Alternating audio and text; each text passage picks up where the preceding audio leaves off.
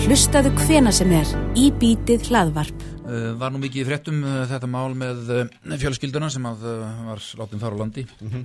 eiginkonan Basamandi uh, og uh, þetta þóttu sumum ómannúðlegt meðan öðrum fannst um, þetta bara alveg í lægi og, og svo kannski má segja að þriðihópurum að það hafi verið sáað það hefur nú verið réttar að leifa blæsaðri konuna eða barni hér og mm -hmm. svo kannski skoða stöðuna Já, þeir eru komið til okkar til að ræða þetta og kannski eitthvað annað, það er Helga Vala Helgadóttir og Brynjar Níelsson, komið þið sæl, velkomin. Já, Já, og kannski svona almennt bara um það hvernig tekið á hælisleginum hér. Brynjar, ert þú sáttur við það, hvernig það er gert svona almennt séð, ekki bara í þessum alveg, bara almennt séð. Ég svo sem veit ekki nákvæmlega hvernig þetta er almennt hér. Við erum nýbúin að setja þetta bara lög sem var unnin úr þeir pólitísku starfi. Mm. Og uh, það sem er kannski vandamáli er það er langur akrilsutími og hefur verið og kannski lagast ennlega eitthvað uh, við erum að glýma við mikinn vanda að höfum við sem er kannski samt minkað að, að, að, að mikil fjöldi hérna kemur frá löndu sem teljast örug í þeim skilningi Mm -hmm. en samt er langur tíma afgreða og þetta er svona kom, hefi, kom mikil bylgja fyrir okkur árum sem, og, hérna, og það tekur auðvitað mikið álag á kerfi hjá okkur Mm. og það leðandi er, er, er hérna hefur verið langur tími og mikil kostnaði kringu það og, og kannski er þetta eitthvað á, á, á rétti leið, ég veit ekki Af hverju þú segir mikið ála og tekur langan tíma, er, er, er þá kerfið eða reglurnar, er þetta eitthvað flókið ferli sem það þarf að fara í gegnum með hvern og eitt sem sækir um hæli? Það getur verið það en ég, ég, ég auðvitað þekki þetta ekki nákvæmlega Nei, en, en mjög, samt mjög sérstakt að, að, að, að það þurfa að taka svo langa tíma í málum það sem sko fyrir séð Mm -hmm. er að, að við komum á ekki rétt á alþjóðlega vend Mm.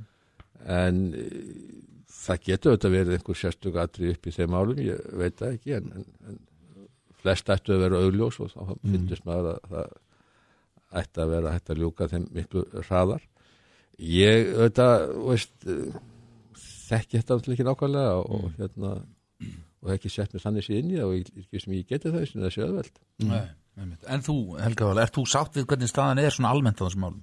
Nei, ég, ég er það ekki. Uh, sko stefna stjórnvalda hefur harnað mjög mikið undanfæran ár uh, í þessum málflokki og hérna og í, þetta, þetta byrtist okkur auðvitað alltaf öðru kvoru í svona sprengjum eins og, eins og varð núna í vikunni Mm.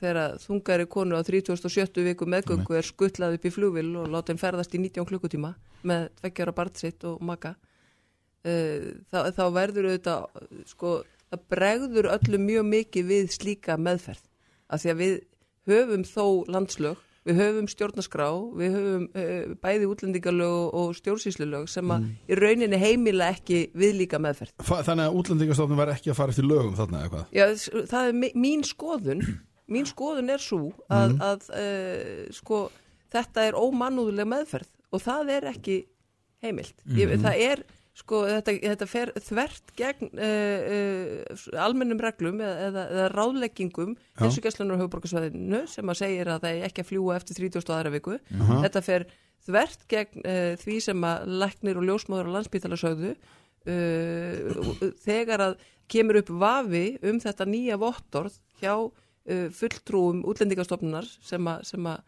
eru í þessu tilveki uh, uh, úr stóðdelt ríkislauglustjóra ef það kemur upp einhver vafi þá eiga þau þetta kanna það. Getur verið að þetta nýja vottorð breyti stöðunni. Mm. og þá eiga þau að fara bara og tala við útlendingastofnun uh, bakvaktina þar og segja, heyrðu, hér er kona sem fór með fórsandi blóðna sér inn á bráðadeild maðuravendar uh, breytir þetta eitthvað stöðunni? Eigum við að kanna hvað er í gangi? Af því að læknisvottorið sem að byggt var á um að hún væri hæf til að fljúa uh, byggði á skoðun sem að fór fram hjá sóttvarnalækni sem er bara svona hefðbund, hefðbundin skoðun sem framkvæmt var upp úr miðjum oktober Mm og það var bara svona blóðbjörn að tók hún væri hérna með mislinga eða eitthvað eins og allir útlendingar þurfa að fara í. En hún hafði aldrei til dæmis farið meðra skoðun og við vitum bara á síðustu viku meðgöngu og síðustu dögu meðgöngu það getur bara ástand konu breyst frá mánudegi til þriðjudags. Akkurat. og þá verða auðvitað stjórnvöld að gæta þess að fara ekki offari og stefna lífi móður og barns í hætt Hvernig hefðir þú viljað sjá þetta gert? Hvernig hefðir þú viljað sjá ferlið þessari fjölskyldu?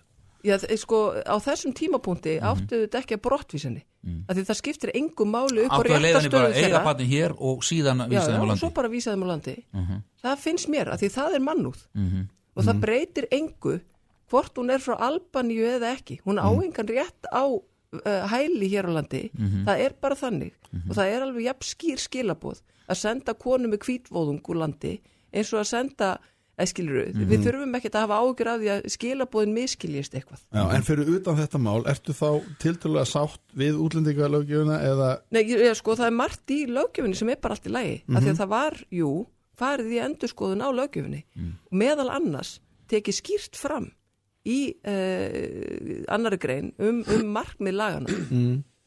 að það eigi að gæta mannúðar. En Fyrst við vorum að tala um þetta einstaka skilvirkni. mál Brynjar, ertu sáttur við hvernig þetta mál fór eða hefur viljað gera þetta öðruvísi? Sko, ég get ekkert sett minni það, ég auðvitað þekk ekki málu og er ekki inn í aðstæðum, en, en mér hefur bara sínst settur fórstjóri lýsa þessu ágætlega Mm. og fóri yfir þetta nákvæmlega og ég ger enga afsöndu þá frangbænd Mhm. En, og hérna en, en það er frá vond að vera að ræða svona einstök mál alltaf en, en, en, en e, mér skilst að ég er nú að fara í einhverja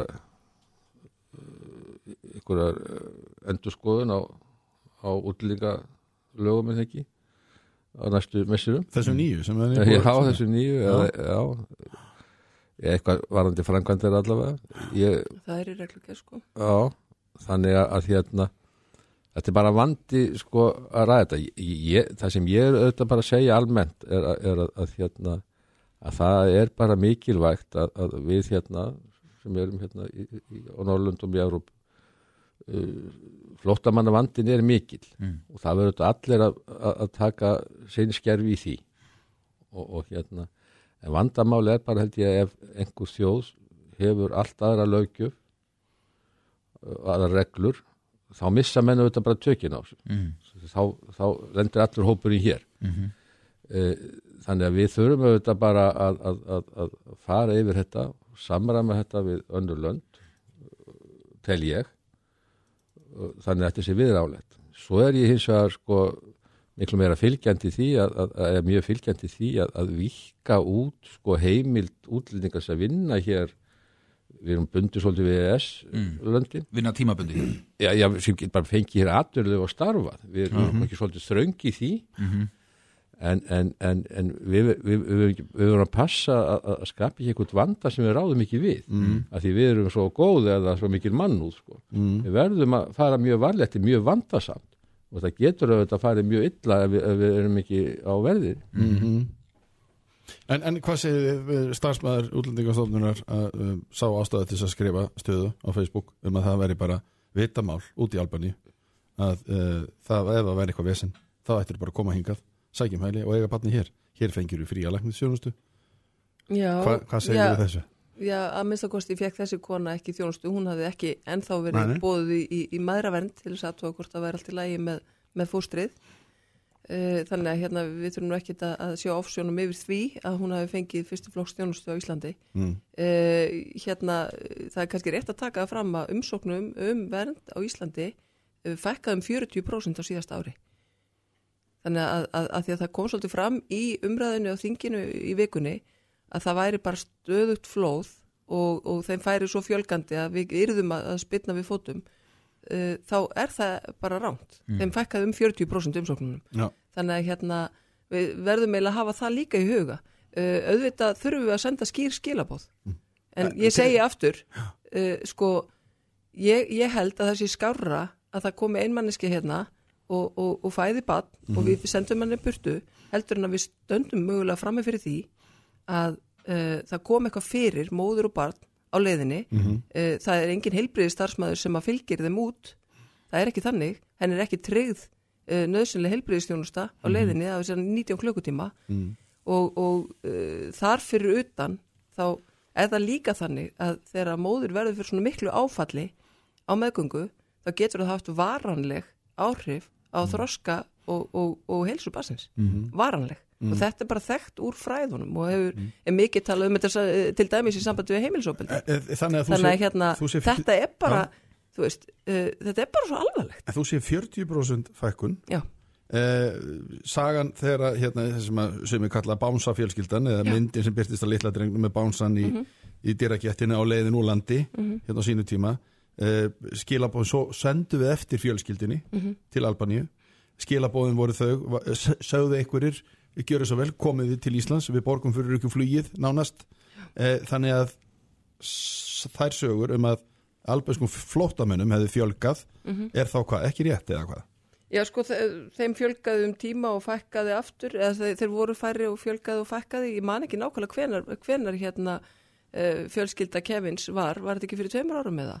Þetta var lengur Þrjú- síðan. Eða er þrjú lengra ár síðan? já, já. Já, uh, uh, sko þá, þá var kúfur Mhm. eins og Eftir þetta þá Nei, ég meina, eh, þá var, það var kúfur í flóttamanna eh, málum almennt eftir 2015 Mhm. og hér verður kúfur 2016 Mm. og þetta er um alla Evrópu og hérna og þa það er hérna 2016-17 sem að e- koma flestir og þá er líka hlutfalslega flestir albanir og þeim hefur fækkað aftur líka e, Voru þeir allir sendið tilbaka eða?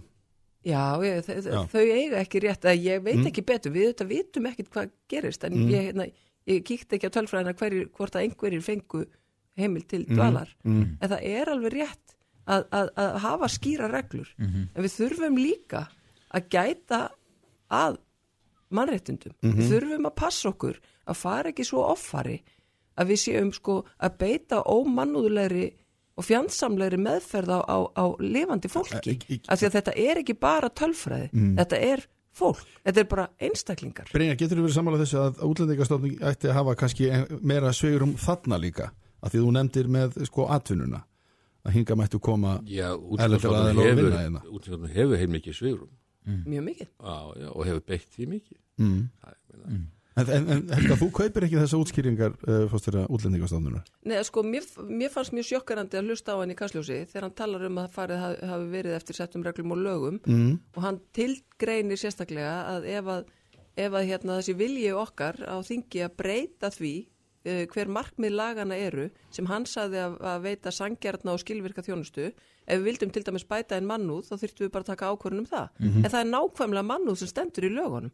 Þannig að mér fannst nú svolítið sjokkarandi að fórstur útlendingastofnun skildi ekki vera betur En, lögunum en, þetta. en jafnvel þó að hún stæði ekki í lögunum Já, ég meina þá er það bara stjórnarskrá. Já, ég, já, en ég meina bara svona, maður höfða bara til þetta í, í almennum stjórnsýslu lögum Mm, mm. þá verður stopnunin að gæta meðalhófs í sínum, sínum verkum. Einmitt. og það er bara, það allt þetta er þverbrotið að mínu viti í þessu Já. þegar þú sendir konu sem er komin í akut heimsókn upp á, upp á maðuravend í, á 37. viku meðgöngu það er ekkert meðalhóf.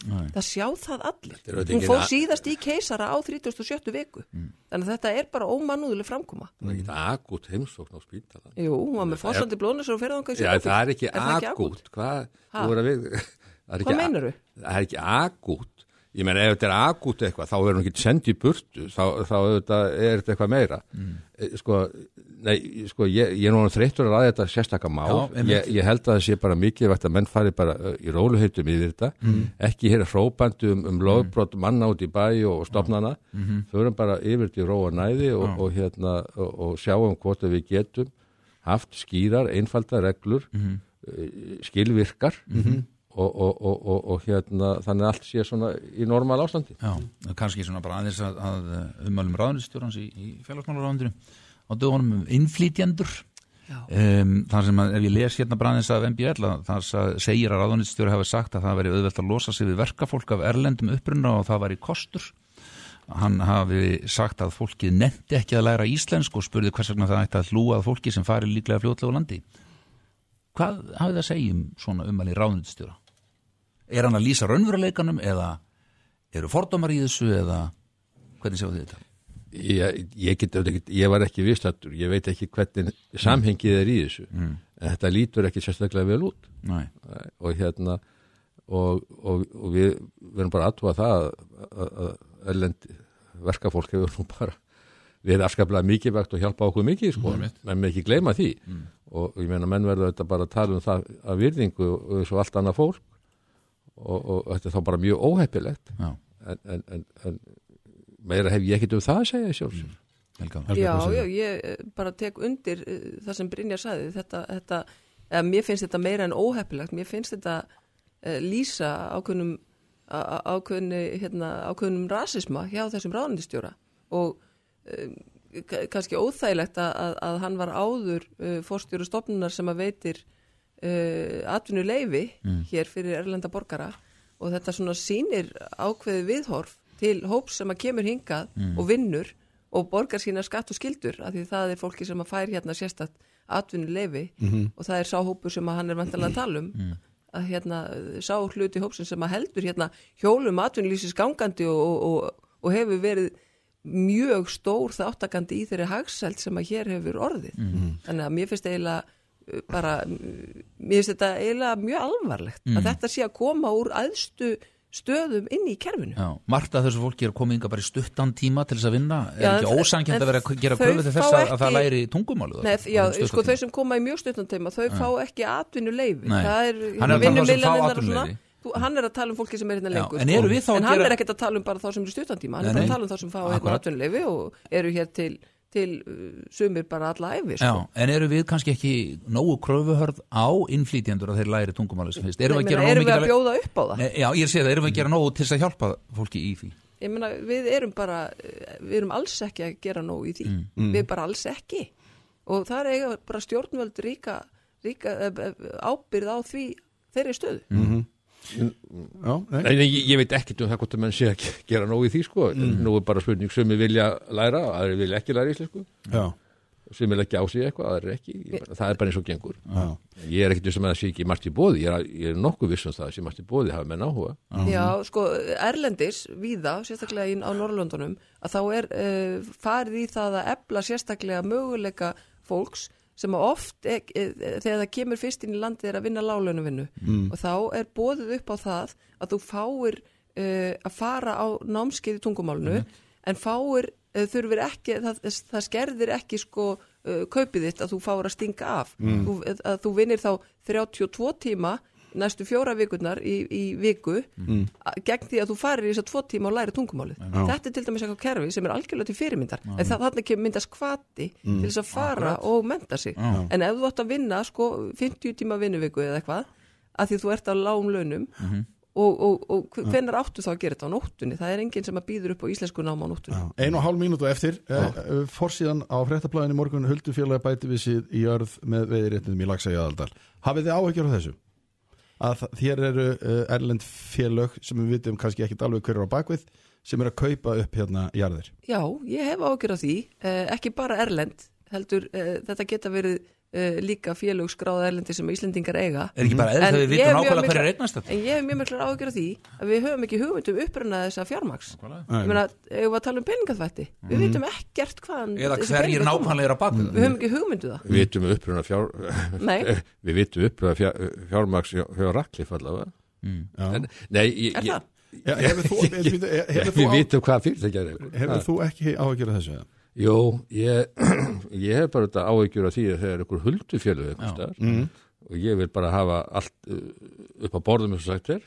Og hérna og, en, en ég menna eigna tilfæsla á, á jörðum er ekkert nýtt fyrirbæri sko. 20 sekundur Ég hef líka áhyggjur af því að fyrir ári síðan sagðist ríkistjórnun ætla að bregðast hratt við, en það er ekkert að frétta, það gæti- við öðrum málum. Það getur einhverjir haft af því hvað þið hafið verið mikið sammála Já, já, en mér spyrir ég hjá okkur þið náðu okkur ekkert upp Nei, þú voru bara að sjá það sjálfur Já, ég meina það er bara ólíl tíma eftir ég ætla að koma með einhver læti Kæra það ekki að koma bara fram með. Hlustaðu hvena sem er á í bítið hlaðvarp. Næstu mínútur ætla að aðeins að ræðum ferða þjónustuna og það kannski sem snýra aðalega að flugfélögum kannski Já. einu flugfélagi Já, aðallega. þessu fyrirtæki nýja flugfélagi sem heitir, að hlaut nafni Play mm. og uh, hér í viðskiptablaðinu dag, blaðsvið 8 er verið að fjalla aðeins um uh, félagið og, og þá sem að, að því standa undir uh, fyrirsögninni mörgum spurningum ósvarað hjá Play Já, eh, Jóhannes Þótt Skúlason frangandastur SAF er komin til okkar, sæl velkomin eh, þessum spurningum, ósvarað. Er það ekki kannski bara eins og svo mörgum öðrum spurningum í lífinu?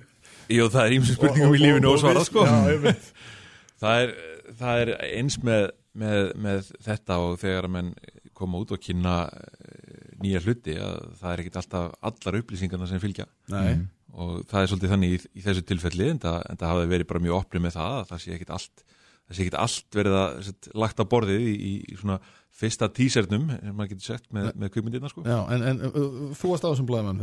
Nei, ég fylgdist Nei, með, hann í, útsendingunni bara. En þó svo að spurningunum sé ósvarað sko út af við, þá er þeim kannski svarað inn á við Mm. Já, já. Segja, hjá, það, það er nú yfirleitt þannig þegar fyrirtæki er að leggja upp Við eitthvað skulum svona alltaf að þá, vona það. þá eru þau með hlutin á hreinu þóttu segja kannski frá allir En í, í þessari grein þá uh, er spjallaðin sérna við Kristján Sigurjónsson, hann er, er rítstjóri túrista og má kannski kalla hann sérfræðing þegar það kemur að íslenski ferðarþjónustu. Já, hann veit meira en margir um, um íslenska verðin Akkurat.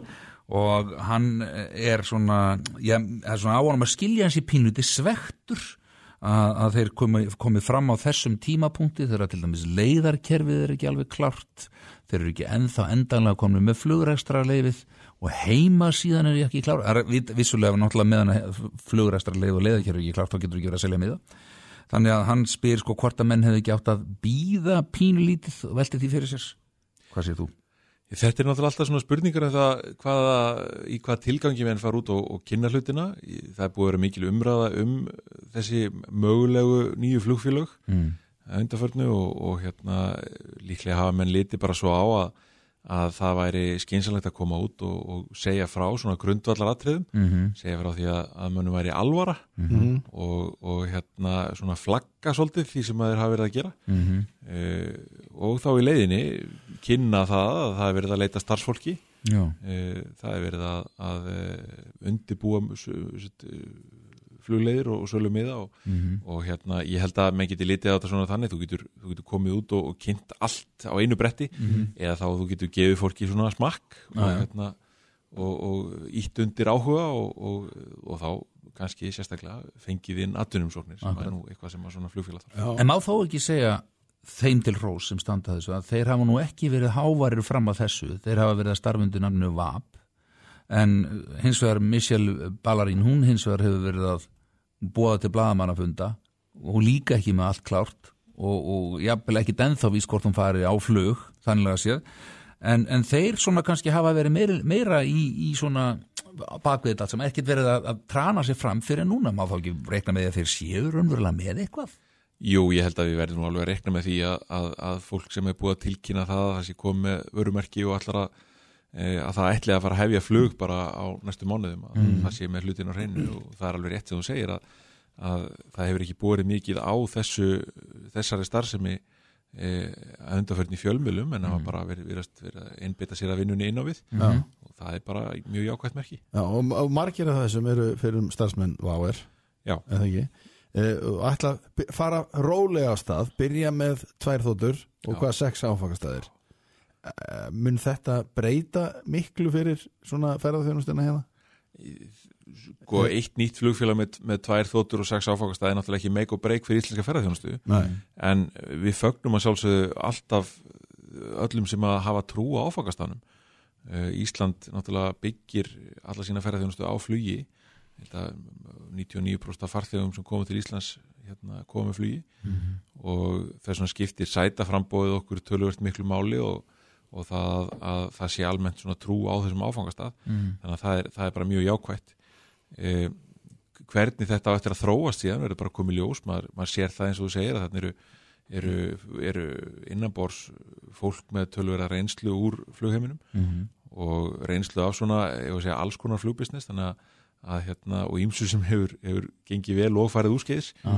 E, þannig að menn hafa, hafa lært af hinn og þessu þarna og, og það kom náttúrulega svolítið fram á, á þessum bladamannafundi sem haldin var að, þarna ætla, ætlar flugfélagið að ein, einskorða sig við eina flugvélatípu til dæmis. Já, Mm. e, og, og ekki fara í eitthvað svona til dæmis eitthvað breiðþóttu ævintýri eins og með öðrum eins og orðum. Skúli Móðinsson það taldi hafa farið ítla með vá Já, þannig að, að menn svona verðast hafa svona, er að setja markið svona eh, virðast Svolítið vera á fókusera. svona, já, fókusera á svona skynsanlegri máta. Læra af mistökunum, getur það verið? já, Það Það ég. lággjaldar flugfélag uh, það verður það alveg frá að til auða það er það sem mann heyri þar staðum já. já, og þar er kannski möguleikin að, að þetta gangi upp.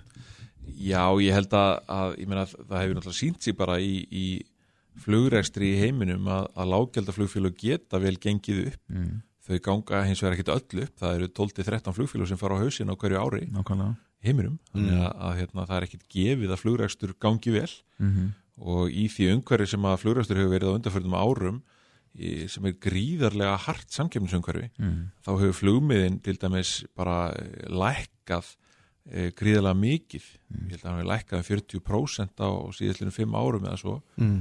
og eh, til dæmis hér á landi þá sáum við að þegar vá eh, fjall þá hækkaði meðalverða flugmiðum eitthvað fyrstu mánuðin og eftir en tók svo að, að lækka aftur. Mm. þannig að, að það er ekkert gefið í þessu að það sé auðvelt að ná inn miklum tekjum og í rauninni er flugrækstur e, bara í bæði flugrækstur á Íslandi og, og svona heiminum almennt sem að byggir á, á svona, hann er í miklum játnum Mm. En, en e, samkeppnin eins og þú segir er mikil, það er ekki eins og þessi á hoppin í eitthvað, já hvað hefur að segja tómarum, eða hvað. E, hva, hva, he, þannig að því leitunni til þetta er kannski skynselegt að byrja svona e, rólega, en er eitthvað svona drauma, er eitthvað, er eitthvað borgir, er eitthvað áfangastæðir þar sem að eru hólur, eða þar að segja tómarum? Já, ég veit ekki með tómarum, ég held að fyrstum sem þá snúist þetta nú kannski bara um hvar er laus pláss á flugvöllunum sko. um, og, og hérna ég sá nú til dæmis að Kristján á, á túrista hafi gert í ágæti skil núna fyrir skömmu. Já, uh, hvar í Evrópu væru, væru laus pláss. Og hérna Íþró og Gattvik til dæmis eru uppbókaðir. Já, stansteð hugsanlega lausir. Uh, Frankfurt, Kaupmannahöfn. Mm. uh, Amsterdam. Mm. þetta er allt saman svona líklegi staðir og þetta eru að segja, hefbundnir e, áfangastaðir fyrir flug frá Íslandi og, og hafa sínt sig að eru rútur sem ganga vel Já, Ameríka er, er hún, myndur þú segja, ég meina, nú eru stór hluti af ferðamennum hérna núna, Ameríkanar. Já, það er greinilegt bæði er þar eh, töluvert mikill markaður fyrir íslenska ferðarþjónustu og það skiptir okkur eh, svona ferðarþjónustun í heilsinni máli að það séu góð, góðar tengingar við bandaríkin Mm. e, og það er augljóst að þetta nýja flugfélag ætla sér að nýta sams, samskonar kerfi og, og bæði æslandir og, og, og er að nýta sér og, og vá nýti sér á sín tíma og, og hérna að, að nota Keflavík sem svona skiptistöð Mhm. e, og, og, og, og nýta staðsetningu Íslands sem svona flugmóðuskip í miðju allansafinu Mhm. til þess að fara til sitt, sitt hvora heimsálfurinnar og, og það er bara er módel sem hefur sínt sig að getur vel virkað og er, er já. Nú, uh, kannski að uh, þessari uh, fyrirsögn hér og frétt á fórsíu morgunblansins í dag undir yfirskreitinni þrengir að í ferðarþjónustunum og hér er verið að tala um rútufyrirtækin að þau eru farin að bjóða fleiri og fleiri akstur fallara til þess að við kópa hérna núna. Hvað sér þetta? Sko hópferðarfyrirtækin eiga í, í eh, mikill samkeppni og þau eiga ekki aðeins í samkeppni náttúrulega hér innlands hvort við annað, þau eiga í mjög erfiðri samkeppni við erlend uh, hópferðarfyrirtæki sem að koma hér inn sérstaklega náttúrulega yfir sumatíman en í rauninni að hluta til yfir allt árið. Sem að, að einhverju leiti að minnstakosti eru að, að undirbjóða markaðin bæði með félagslegum undirbóðum og með því að, að eh, skila ekki þeim sköttum og gjöldum sem þau eiga að gera. Já, uh, og það skekkir samkjöfnisgrundvöldin mjög mikið og gerir uh, rekstur þessara fyrirtækja mun erfiðar en ella og þetta er atriði sem við höfum margóft uh, reynd að benda stjórnvöldum og, og eftirlitstofnum á að það þarf að gera eftirlitið skilvirkara hér á landi mm -hmm. Engin viðbröð sem sagt. Já, það er mikill, ég ætla ekki að segja þessi engin viðbröð, það eru hefur verið bæði til dæmis á ríkiskastur og vinnumálastofnun hefur verið ve mjög vel tekið í þessar ábendingar hjá okkur Já, það eru kannski ekki alveg viðbröð en- eins og þú vilt, þú vilt að sé gert eitthvað. Já, já, og, og, og það hefur verið aukið við, við eftirlitið en síðan hafa þessar stofnarnir hins vegar kannski skilabóðin frá þeim komið að, að þær hafi kannski ekki nægilega miklar heimildir eða, eða e, það þurfum við að breyta einhverju umhverjunu eða einhverju slíku. Þannig að, að það er kannski næsta skref sem við þurfum að skoða en, en þetta er alveg rétt sem að kemur þetta fram á, á að, að það er ekki auðveldur markaður í dag fyrir mörg ferðarþjónustu fyrirtæki. Mm. Við sjáum það að hefðbundið eh, gegnum undanferðina ára þá hefur nóvember verið mjög erfiður mánuður fyrir ferðarþjónustu fyrirtæki. Getið að- erfiðastur? einna erfiðastur það er mánuðurinn þar sem ferðarþjónustu fyrirtæki fara á hausinn já, og Arjón Banki spáði því nú til dæmis í, í greiningu sinni núna fyrir skömmu að, að það erðu fleiri slík gjaldrót í nóvambur í ár heldur en undanfarið já, þannig að, að það er, það er hart í ári hjá smáfuglónum eins og Mm. já. En þessi rútufyrirtæki sem þú nefnir, þessi erlendu, er það uh, rútunda sem eru að koma með Norrænu til aðeins, eða eru þeir konum Það er koma inn bæði með, með Norrænu, það er koma líka hér inn bara í gegnum Þorlásöfn, já, fluttar bara inn og svo kemur koma einhverju bílstjóran með, með, bara í, með flugi. já, en þeir eru ekki með aðstöðu hér eða þannig. Sum þeirra eru með aðstöði hérna, jú. Já, Já, en, en, en það er þetta að fara neyri í eskilíð bara og banka upp á þeim sko. það er bara svoleiðis já. En, en uh, árið í ár hvað, eru þið komin, komin með tölur uh, yfir ferðamennina sem heimsótti Íslandi í ár? Já, já, það er eh, svona það er ágætt að tölur til um þetta og það lítur út fyrir að árið verði svona svipað og við vorum að, að og bæði við og, og aðrir voru að spá í voru að það er því svona fækkur um 300.000 ferðamenn frá því árun í fyrra Mm. það þýðir náttúrulega að við erum enn með um 2 miljónir ferðamanna sem er að koma til Sem er Íslands yfir árið sem er náttúrulega bara frábært Já. Og hérna að við erum ekki, erum, erum ekki neinu volæði en, en þetta, er, þetta er svona flóknar ár heldur við höfum, höfum eh, séð undafarið og, og, og hérna en, en við teljum að við séum að ná kannski nýju núlpunkti núna og förum síðan vonandi að vaksa aftur svona í, í einhverjum skinsamlegum fjölda Já. e, Eru það að horfa til- Kína?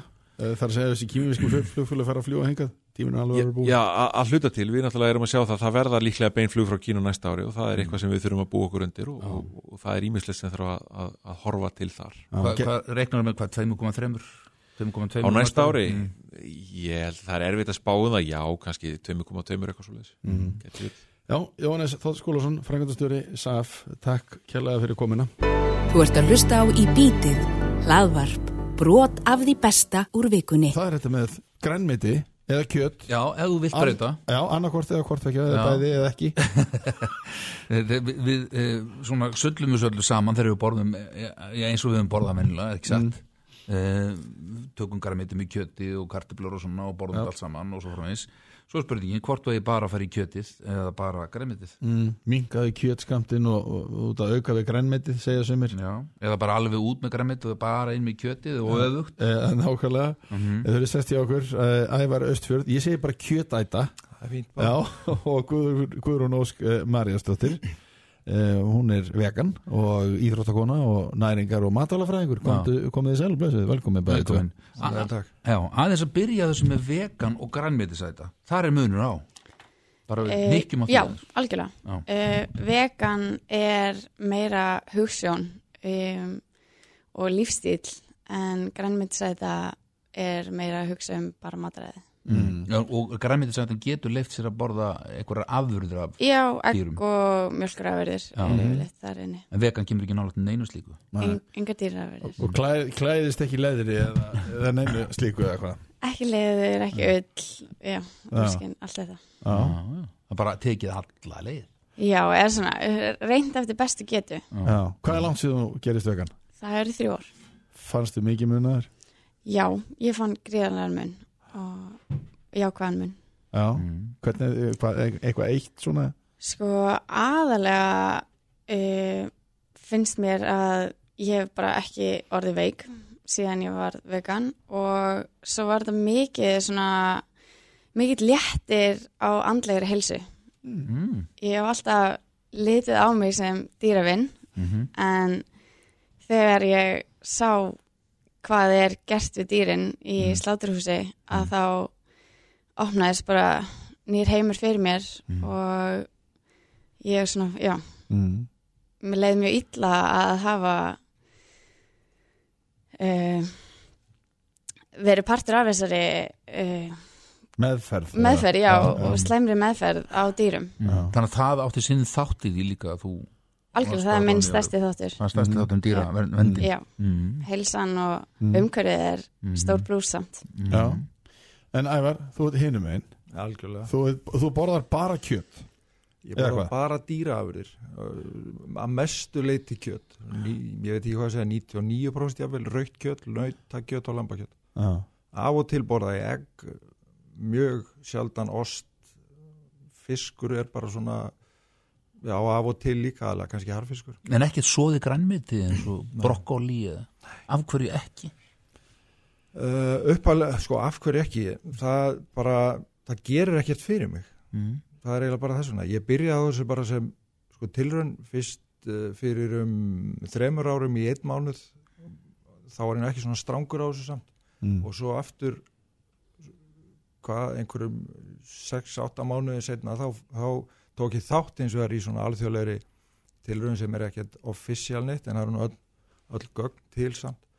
Að þá voru, sagt, voru við svona 200 manns vísvegar um heimina að sagt, borða engöngu kjött Mm og drekka engöngu vatn í þrjá mánu það var að strángasta útgáfan. Mm. það voru undan það voru kaffi og te var ásættanlegt og það mátti borða sem stalla dýrafur en við höfum svona að reyna að fylgja einhverju ákveðinni línu þennan tíma og þegar ég var komin einhverja 10-15 daga inn í þetta þá var ég nánast komin bara í raut kjöt og vatn mm. Mm. og Þetta er hvað langt síðan? þetta var, það eru rúm tvö ár síðan þetta var Þannig að þú ert búin að vera núna á ströngu kjött fæði bara, þannig að séð Já, tvö í tvö ár og þrjá mánuði mm. og uh, fyrsta alveg einu og halva ári þá já, eina ári, já, eitt og hálft ár sennilega þá var ég algjörlega harður á þessu en ég, sko, mér leiðist að valda fólki áhyggjum þannig ef ég fer í mat til mömmu eða tengda mömmu skilur þá bara borða ég það sem er í matinu sko, Mhm. Veist, það er að vísu eld alltaf óhemju magna kjötti hón í strákin sko þannig að ég fæ alveg nóg en það er ekkert vesen, ég var bara ef ég fer út að borða veist, ég, ég er kokkur og hef unni á veitikastöðum Mm og ég er ekkert að fokka í matseli kokksins á veitikastöðum ég borða bara það sem er á honum en það, þú veist, þetta er mjög Og borða þá grænmeti ef það kemur með það ég helst ekki gremmiti, mér finnst það bara ekki gott sko. mér finnst kartöflur allt í lægi og fer, hafa kannski farið einhverja þrjár kartöflur unni með á þessum tveimur árum En hverju hefur þetta breytt fyrir þig? Já, þetta hefur náttúrulega eiginlega því sama og fyrir Guðrún sko. Mm. Ég er miklu heilsu betri, ég er hættur að nota lif sem ég var að nota, ég var á blóðhristingslifjum, blóðþýningalifjum, magabólgulifjum, sem er hættur að nota öll þessi. Ég tek konsertu við aðtilspresti og ég minkaði sk- daglega skamtin úr 126 milligram í 36. Ég tengi það bara, ég þurfti, þurfti mér að sé að gera það vegna þess að blóðhristingur er rauk upp aftur út af konsertunni Mm. og, og hérna dugi mér að taka eina töflu á mótnana í staðin fyrir að ég var að taka tvær og tvær og eina Mm. yfir daginn þannig að ég er búin að minka semstu 75% eintöku á því lifi og algjörlega eintöku á öðrum lifjum ég er miklu betri í kollinum, andlega hliðin er miklu, miklu betri. Ég, það er að segja, ég hef átt við þung, svona skamdeginsþunglindi það fyllt mér bara frá því ég mann eftir minn ánast það býtur ekkert á mig. Mm. bara algjörlega ekki neitt en, en þú tókst þar alveg þá allan sigur út, úr, fæðinni eða? Já, ég var í rauninni löngu búin að því áður ég fór á þetta sko. Ég var búin að, ég fekk sko svona eitthvað, einhvers konar heilablóðfall fyrir sjö og hálf ára síðan. Uh, Það er að segja, þegar ég segja einhvers konar, þetta var semst einhver minni hátta blóðtapi sem stoppaði stutt, þetta var svona viðvörun og ég hlaut engar skada af. ég fekk engar leiðbenningar sko. Ég, ég vildi vita í framhaldinu hvað ég ætti að borða og hvað ég ætti ekki að borða Mm. og ég fekk þetta klassíska ráð hérna borða bara aðeins minna og, og reynda að hefa þig Mm -hmm. mér fannst ég þá þegar ég var 43 4 ára gammal, mér fannst ég þá vera búin að vera að borða minna og reyfa mig meira í að meðskosti 20 ár sko. Já, og engar breytingar. og algjörlega án árangurs já. Já. Já. En sumir hafa notað þetta fæði til þess að grenna sig það já og inn á Facebook-hópnum okkar það sem eru að verða konir 3000 manns að þá hérna þá ef að fólk fylgist með umræðinni þar þá má sjá sko að fle- flestir grennast og, og líðu betur og svo fyrir fólk hérna að hafa áhyggjur að það hættir að grennast eftir ákveðin tíma mm. en þá koma þeir inn sem eru búin að vera lengur og benda fólki á sko að hafa ekki áhyggjur að þingdinni allavega svona klára einhverja mánuði og hugsa um heilsuna, endur heimtu heilsuna, losna eins og ég gerði komin á 60 saldur að losna við liðverki og allt þetta sko. En þetta er það sama og maður heyrir með þá sem fara yfir á vegan til dæmis. Já, sko það jákaða náttúrulega við það mataræði sem hann fylgir er klálega að það er engin sigur, ekkert bakkelsi, enga kökur, ekki neitt. Þannig að það er klálega gott og fleiri sem ættu að taka það inn í sitt mataræði. En löngunum fyrir það að þessum mataræði virðist hverfa? Já, ég meina, þú veist, ég er nánast sigurlaus Mm. og ég hef enga löngun í það. Mm. Eftir einhverja tvær þrjár vikur þar sem maður er sigurlaus þá hverfur löngunum og maður fyrir að finna bræðu öðruvísi og mm. bræðlökunar okkar aðlæða sig að því sem við erum að borða og En á vegan getur maður líka er það ekki grenst Jú, jú, algjörlega og það er oft tengt við meiri einmitt trefja inn, inntöku Mm þar sem trefjarnir er að taka með vatn og, og gera sérst matinn það er kannski e, þú þarf meira til að melda hann og þannig að þá kannski svona minkar orkana eins úr mataræðinu. Já. E, var það erfitt að taka sigurinn út þegar þú byrjaðir á grænmyndi eða sem borða grænmyndi og gerist vegan? Það er nú tiltölulega svona nýtilkomið að ég tók út allan sigur og hann, þú veist, jú, það er alveg hellingur af vegan mat sem er óhallur Mm. og, og það eru alveg freystingar en, en ef maður tekur ákvörðunina og, Mhm. og vill gera það helsuna vegna þá Mhm. Mhm. setur maður það ekkert fyrir sig. eins og við tölum um áðan uh, ævar, og maður er heyrt að vísindin uh, staðhafa það að, að raut kjött geti valdið krabbameini hvað segir þú um það? Er þetta ekki Já. smeykur? Nei, ég er ekki smekku við það, ja, því að sko rannsóknir sem að staðhæfa að kjötvaldi krabbamenni, þær eru flestar allavega þess eðlis að þær eru unni hafa ekki sko bólmagn eða, eða sem sagt þær eru ekki metna nógu sterkar til þess að geta staðhæft bara yfirleitt eitthvað. og En það eru vísbendingar kannski Já, þetta eru meira vísbendingar sem að vissulega ætti þá að rannsaka betur mm. Mm. og það er, ég held að það séu búin að koma þrjú, þessi þrjár stúdíur á þessu ári eða svona held að séu svona meta-analýsa sem er tekna margar stúdíur og það eru metnar sem sagt rannsókninar Mhm. sem að segja að þú eigir ekki að borða kjött og niðurstaðan úr því er að, að semst áriðanleiki þessar rannsóknar til þess að gefa svona sterk sterkar leiðbenningar Mhm. sé ekki nægur og því eigi ekki að þurfa að fara eftir því Já. Hefur séð margar rannsóknir sem benda til þess að rautkjöt sé mjög ávana eða mikill ávinningur af rauðkjöti. Já, ég sé alveg Mjög sterkar. Já, e, e, ég veit ekki hvort þið séð þarna en það er mynd sem gengur núna og fólk tala mikið um game changer Já, ég sé hana. Já, það sem að er verið að tala um að fólk eigi bara slepp öllu í kjöti og það er talað um árangur í íþróttum og Það er einn og hálfu tími sem ég fæ ekki aftur. Já, Já, það, þetta- það er margt áhugaverð sem kom fram í þessari mynd það er- já. já, já. Og þó maður segi kannski eins og stundum að þó að 50% staði sér satt þarna þá er það mjög áhugavert Mm. en, en það má alltaf deilum þessu hluti reyndar Eh, en, en þú ert á því og þú hefur lesið rannsókn, nú sagði það hérna að það væri svona áttu um það að, að, að það væri krabbameins valdandi rautt kjöt Já, sko Game Changers er talar um plöntu með að fæði. Aha, Það er ekki, hún talar ekki mikið um veganisma. já. Þú hún fer ekki inn á siðferðið og, og hérna. Nú tala aðeins um það að, að það veri að riðja tölvert að landi fyrir uh, Jú, rétt, rétt, en svona, dýrin að- að svona rauði þráðurinn í gegnum myndina er bara að þú getur vel lifað af því án þess að borða kjöt. Mm. og þú getur verið afreiks íþróttumæður og þeir vilja meina að endurheimtin er betri og, og ég þekki marga íþróttamenn sem segja sem er sögu. Mm.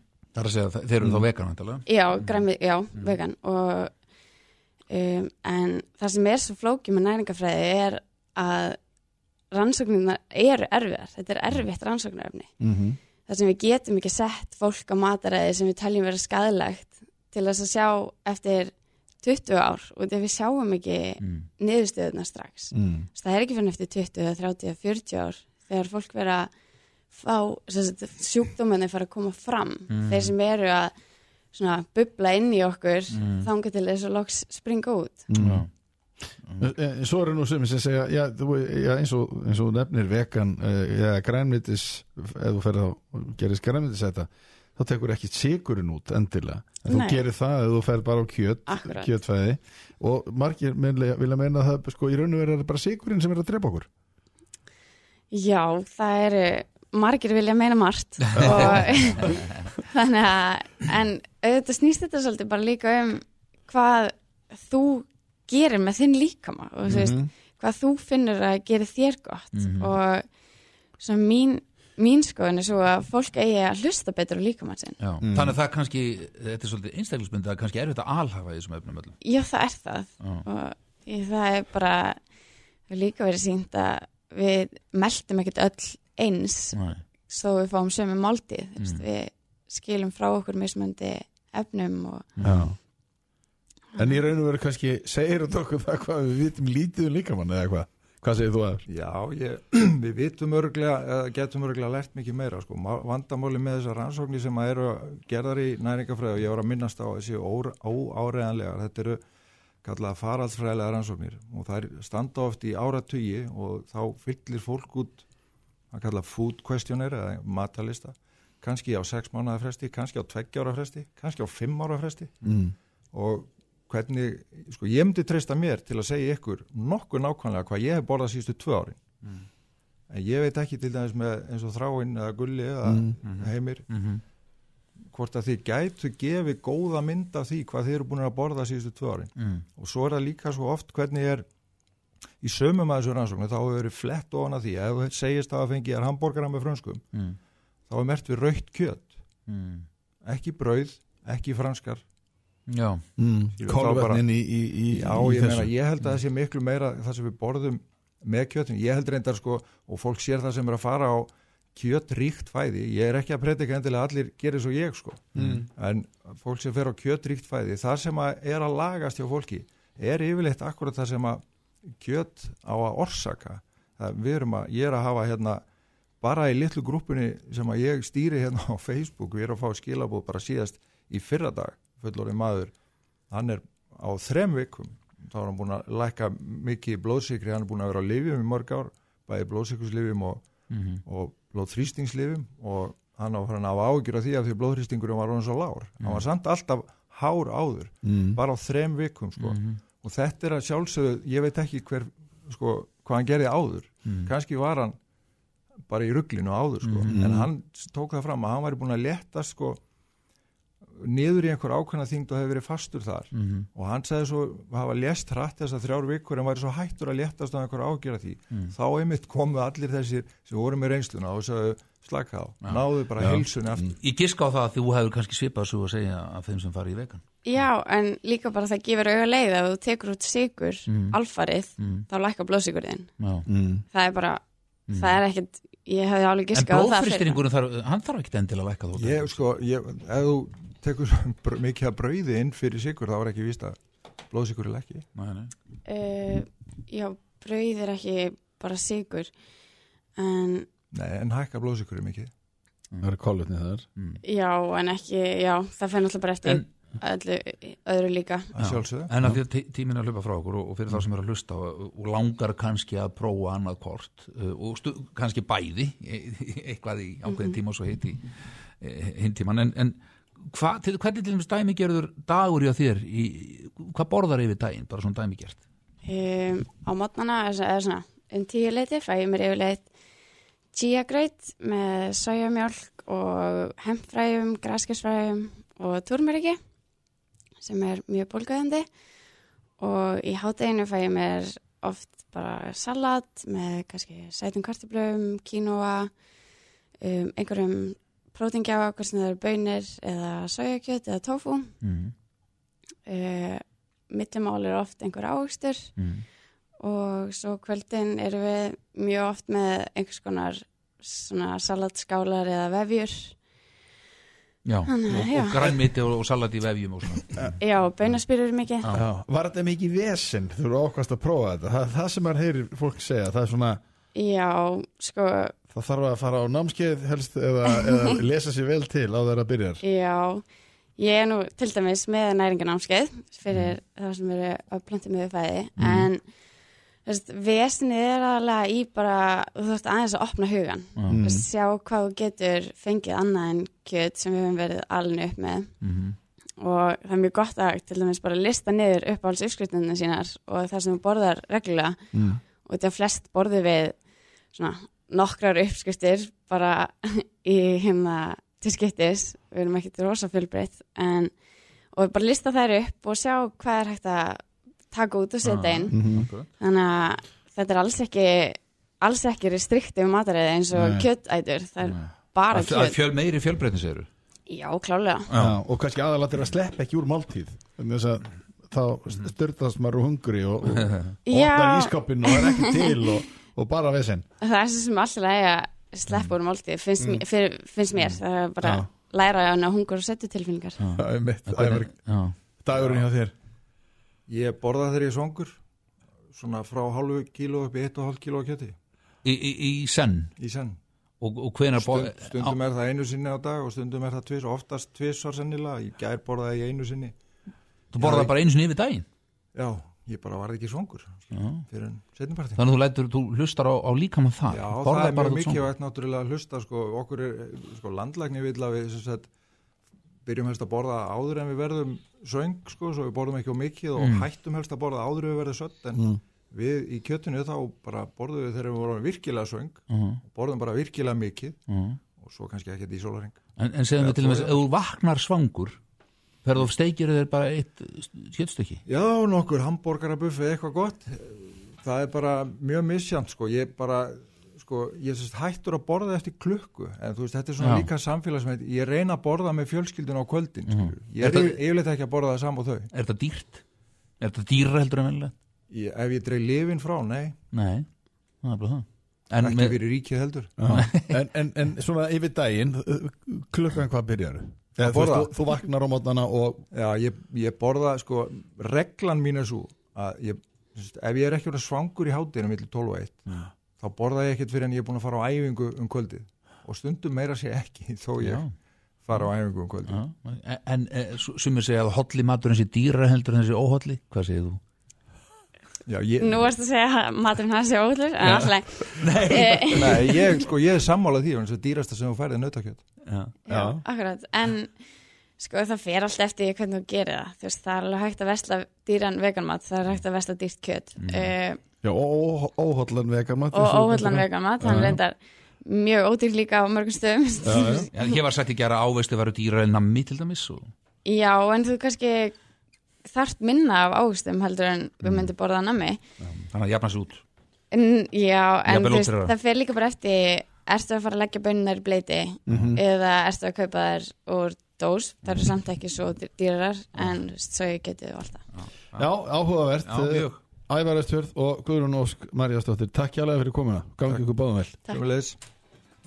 Þú ert að hlusta á Í bítið, hlaðvarp. Og hingað er komin Gísli Már Gíslason, professor með skortín Velkomin. Já, góðan dag. sem betur fyrir eftir bara með myndir af skortirunum þú ert ekki með þeim með þér. Nei, ég- þau eru nú alltaf í kringum okkur og ég nú að sjá svona inn í hús með fiskiflugu, einu og eina. Já, Og húsflugu, svona flugu upp. Já. Ekki, er, það, ekki lifa, það er ein- einhverjar allan veturinn. Já, lerfurnar eru á lífi í, í svona bakvið gólista og annar staðar. og í eldúsum og Silfur, skottur bak við veggfóður og svona Já, og þú þarft raka í húsin til þess að hafa silfurskottur. Það, það, það er þurfa að vera í raka. Já, en sem betur fer, segja sumir, þá búum við á Íslandi þegar kemur á þessum kvikindum en við ætlum að tala um svona svolítið enginlega sérstök skrítinskortir í dag ekki? Já, þegar við hugsaum um skorti þá hugsaum við um einhver svona lítil kvikindi sem er kannski örfáið millimetrar en það eru líka til mjög stór skortir og með þessi að stærsta skortir sem hefur flóið hér á jörðinni var drekafluga sem var hér upp á kólatímabilinu fyrir hvað 300 miljónum ára eða svo sem var með 70 cm vangaf Já, takk fyrir. Og það er nú ekki svo lítið. Nei. og þessi dýr voru rándir og hafa þá veitt önnur liðdýr og, og, og, og hérna hugsaðlega já svona það var nú ekki mikið annað að hafa þá, það var ekki spendir komin og, mm. og skrítir um alla komin á stjá sko, Mhm. þeir eru svona miðlisöldinni en þau voru og flygu um í þessu stykku skóun sem voru burknarskóar aðrir. Mhm. Nún í dag að þá eru fáskortir sem eru mjög stór en samt eru stærstu skortirinn, stærstu bjöllunar flestar af svo kallar nasiti spjöllur eru svona 13-17 cm löng. Já, það er bara dágótt, þetta er svo, Já. þetta er svo lófi á, á, á manni Já. á starð og þingdin getur farið upp í 70 grömm það er ekki lítið. Nei, nei. og hvar, hvar lifa þessi, þessi flest þessi stóru skortir eru í hérna hitabeltinu. Já. bæði í Suðustur Asju og í Suður Ameríku þetta er ekki sömu tegundir á báðastöð Mm. en svo eru til engilu skortir svona svo af engi spretta ættin eins og vetan í, á nýja sjálfandi sem er tempraðabeltir hún er nokkuð stóri, upp í 18 cm löng. Uh, hún er það þung, hún getur ekki hún getur ekki hérna stokkið, hún er líka svo þingsta um 70-80 cm Mm. þetta eru svona þessi, svona þessi stærðaflokkar, stærstu fyririldin eru með um 30 cm vanghaf Mhm. það, er, uh, það er frekar sjálfgjaf Já, en svo eru til skorti sem eru vel búin með náttúrulega varnir. Eins og við munið þá er þetta gert úr eiginlega kítin hólkum Já. líka minn, það er ytri stóðgrind og, og oft eru svona innvöxtur þar sem kirtlavög og annað geta verið og það er einn bjalla á, í Ástralíu sem er kvöldur sprengibjallan hún ver sig með því að hún sprautar samtímis og blandar saman tveimur efnum kínónum eins og gera hérna bananabrúna Mm. Og hérna og, og, og öðru efni sem er mjög sem sagt, virt. Og það verður hundra stiga heitt það kemur út úr dýrinu. Hún getur þannig losa sig við rándýr eins og flugli eitthvað að koma á, bara Hún sprautar hún bara eldvörpu. hún bara eldverpu og sprautar á. Já, og, og, og, og önnur svona kongulur og annað það var bara að drepu þær. Og það eru sem sagt sem, hafa þessa varnir vegna þess að þessi ytri stóðgrind hún það þetta við hafa þróast úr henni líka þessi líffæri til þess að sprauta eitri munnpartar, eitubrotarnir eins og á, á hérna geitungunum og bíflugunum nú svo eru líka sko sennilega hættulegasta dýr hættulegastu dýr á, á jarðaríki fyrir okkur mennina eru skortir. Mhm. ég held að sé ekkert skorti sem veldur jafnmörgum döðsföllum eins og moskítofluga sem flytur malaríu. Þetta er ein miljón mann á ári. Já. en- og svo hræðist við hákalla já, það er kannski fjórir á ári. Já, þannig að það er sem sagt og, En þá ber hún bakteríu. Nei, þá ber hún frumdýr Hún be- sem já. veldur malaríu síkingunni Ah, svoleiðis, já. sem uh, kallar mýrakalda. Það fyrst og fremst börnin sem fara ill út úr þessu í fátekari Já. Mm. En við einhvern veginn svona hugsum það ekki út frá því að hún sé skafaldurinn heldur við erum ofta einbyttum okkur á skortýrun sem einmitt- eins og þessi sko, bjalla sem þú veist að lýsa sem meiðir okkur svona beint já, veit eða eitrar okkur kannski. En við- maður finnur nú fyrir stungunum og moskítuflugunum sko, og, og, og þetta er sérstaklega í kringum heitari lönd og heitabelti þá er malaria og, Mhm. og fólk verður að passa sig sko. mér er sér sonu minn malaria eins og var að vinna í. Já, og þurfti að leita til Londona í, í, í að, aðlýningu Já. En maður hefur séð í, í svona náttúrumyndum eh, þessi varnarmekanismi að þannig orðið komast sumra skortir að margra er hreint algjörlega ótrúlegur, hann er svo margbreytilegur svo höfum við getað eitthvað lært af þessu og tilenga okkur eitthvað af þessu, veistu það? ég veit nú ekki við ég, sko, við erum nú að skjóta svona eldvörpum.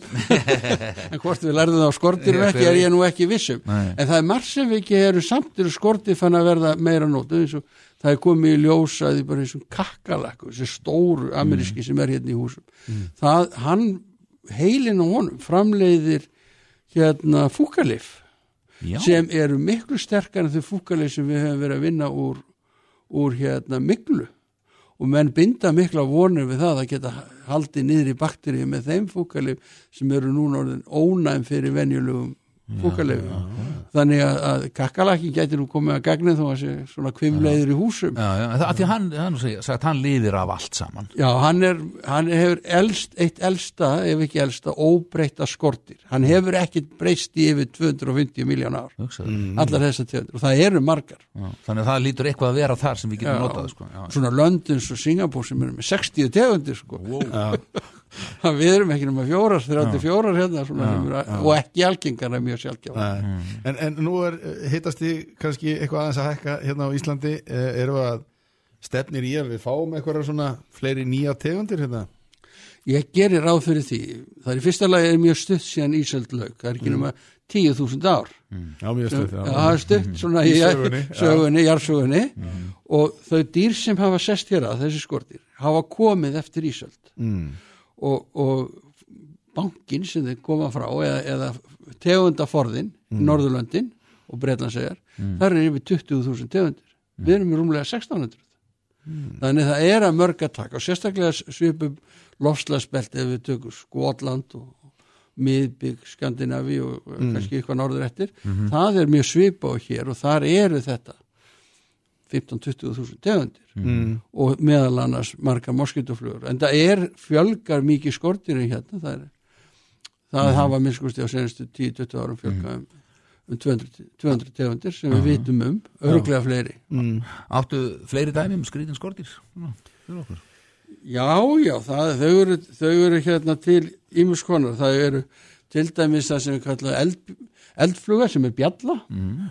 Hún framleiði ljós með afturhendan til þess að kalla á maka. Og hún er með miklu betri nýtni en, en nokkuð ramaspera hún er með letpera Já. því, að, því það er ekki nema svona að, að 10% orkunni fyrir hita og 90% í, í ljós. Og ef við værum með glóðapjöru þá myndum bara brenna. Ef hún væri með svona aftan á sér. En hún notar sem sagt fórsasamband sem mynda renna saman mynda efnasamband svo flýgur um og, og kallar á heitt kynnið með ljósi með ljósi já, þetta, þetta er nú, það er stórmerkilegt að sjá þetta, þetta er, sitja í myrkri og sjá allt í hennu ljósa dýrðina sko. já. Já. og hvað, hvað heitir þetta skortísir? það he- heitir sko ljó, hana, eldfluga og, eða Já, firefly, firefly. En, en þetta er Þetta er bjalla. þetta er bjalla. já, þetta er hans sem merkirettir já, Já. og verð þess virði að skoða já. En, en, en eh, að þú talar um, um, um bjöllur en það er hérna eh, sem að búa til hljóðið sem við heyrum í, í, í hérna runnunum í útlandum svona e, krippur eða, eða, eða Krippur, já, það eru engi sprettu það er tegundir engi sprett Já, það er mökun á hljóðin. Já, og svo eru aðra tegundir eins og söngtifu sem mynda hljóð í hittabeltiskóum já, en þetta er ekki engi sprettur eða hvað?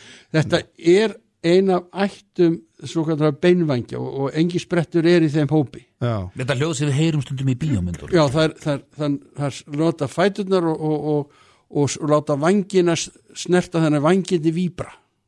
Þaðan heyrum við þetta hljóð. Það er auðvitað fullt af skrýttum skortið við tökum bara flætnar um, mannafló, var nú lengi hérna og kattaflær og fuglaflær. Þær geta stokkið 180 sinum hæð sína já, ef mennirni væru með þetta, þetta þá stikkir úr fjöru upp á brún Látrabjörgs. Þa- þannig að þetta er sko miður við stærðin á dýrinu er þetta mjög sterk dýr. Já akkurat. Einmitt, svo heiðum maður að maurum sem þeir fundu sem að hérna, hleypur eh, svo hratt að ef við myndum hlaupa jafnrætt þá færum við frá Reykjavík og hvað á höfn á, á eh, einhverjum, einhverjum hérna nokkrum mínútum kannski ekki, ekki svo rætt sko, ekki svo rætt Eh, en við kæmist, kæmist kannski næ- já, getur Já. kannski komist á að hraða svona jafnlutalestar. Já, einmitt. Og, og maurar að minnast á þá þeir eru einnig mjög sérstækir því þeir rata um, þeir eru ekki góða sjón. Og með þessi eigðimörkur landslæði þar sem engin uh, sjáanleg hérna uh, hérna mannvirki eða, eða hólar að kennileiti eða engin neitt. kennileiti neitt í umhverfinu. Já, þeir rata á lyktinni já, þeir þekkja lyktina frá sínu búi þeir þekkja lyktina af sínum félögum í, í búinu og elda þá. Og þannig rata er alltaf heim. Menn hafa gert tilrunni með þetta með því að fara bara með lyktina frá búinu þeir og láta það hverfa þá fara þeir á vittlisa stað sko. Nú stundu verið talað um sko hvað styrkur þeir eru ótrúlegur, þeir eru að bera þungar hluti, já, já, alveg makalur þeir, þeir kunna þetta. Já, og samvinnan þar er merkileg. Já, sko, þetta eru þessi félagsskorti þar sem ert í rauninni með tverkinstöður. Með foreldrana, eða móðurina rauninni og svo eru hitt ákvæmi sem eru þá kvendir hjá þessum æðvangjum eins og bíflugum, maurum og, eða mörflugum og, og hérna geitungum og það. Þá eru ákvæminu dæturnar og þær sinna já, búinu. Þannig það eru þessar tvær kynslu og þeim er hald, kynstróskanum er haldið niðri af móðurinni með, með efnum sem hún gefur frá sér. já. Að þú byrjar að tala um stór skortir þá heyrði ég eitthvað tíman af kongulóm sem eru kannski ekki alveg í þessari, þessari hérna, kategóri en eh, sem að í Vietnam sem að halda sér til á, á Ramax eh, og síma eh, línum og veiða fuggla Já, já, ég sé þær. Já, Þær eru stórar. svolítið stórar Þær eru stóra, þær eru minnst kosti svo stærstu um, um 10 cm á, á, á, á lengd. Það er stærri en tarantúlan eða? Já, og þær eru langar og mjóar.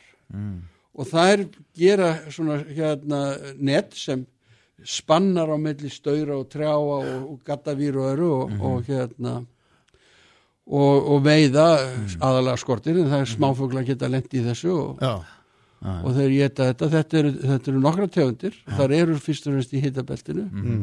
Flott, flott flotta köngular Já, já, já, ég volði að þetta verði lægi við morgumattum. Já, sendei, takk fyrir, takk fyrir martröðuna sem ég fæði í nótt já, já.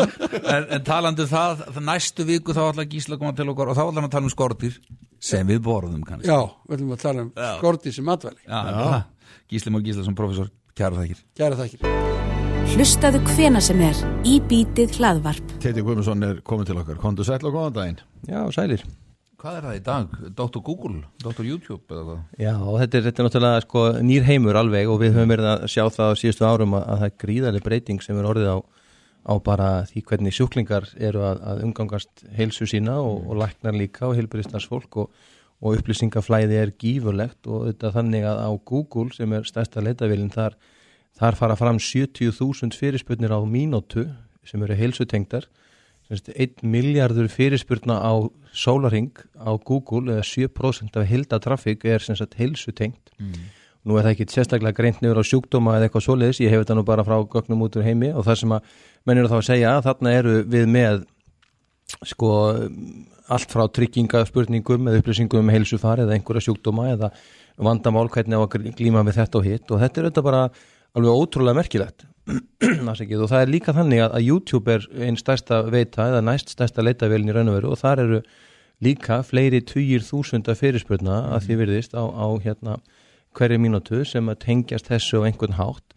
Það er enda langa algengast að þeir sem eru að leita á YouTube sé að leita einhverjum spilurum eða einhverjum ákveðnum áhrifavöldum eða PewDiePie er nú þekkt fyrirbæri sérstaklega krökkunum sem er svona rás þar sem að menn eru að horfa á einhverja upplýsingar sem að hann gefur sem er alls ekki helsufast tengdar langt í frá en þetta kemur mjög fljótt að ná eftir þessum, þessum aðalum og það er ótrúlega merkilegt hvað við erum sko í raun búin að þróast langt á mjög skamum tíma. Og sjúklingarnir okkar sem að koma, þeir náttúrulega eru uppfærættir og það er óga gaman að stundum hittum að sjúkling sem veit bara meira en þú sjálfur um jafnvel það sem þú vart að fara að tala við hann um. Akkurat. Og þá segir þú bara, heyrðu býtu, ég þarf aðeins að fá að googla þetta.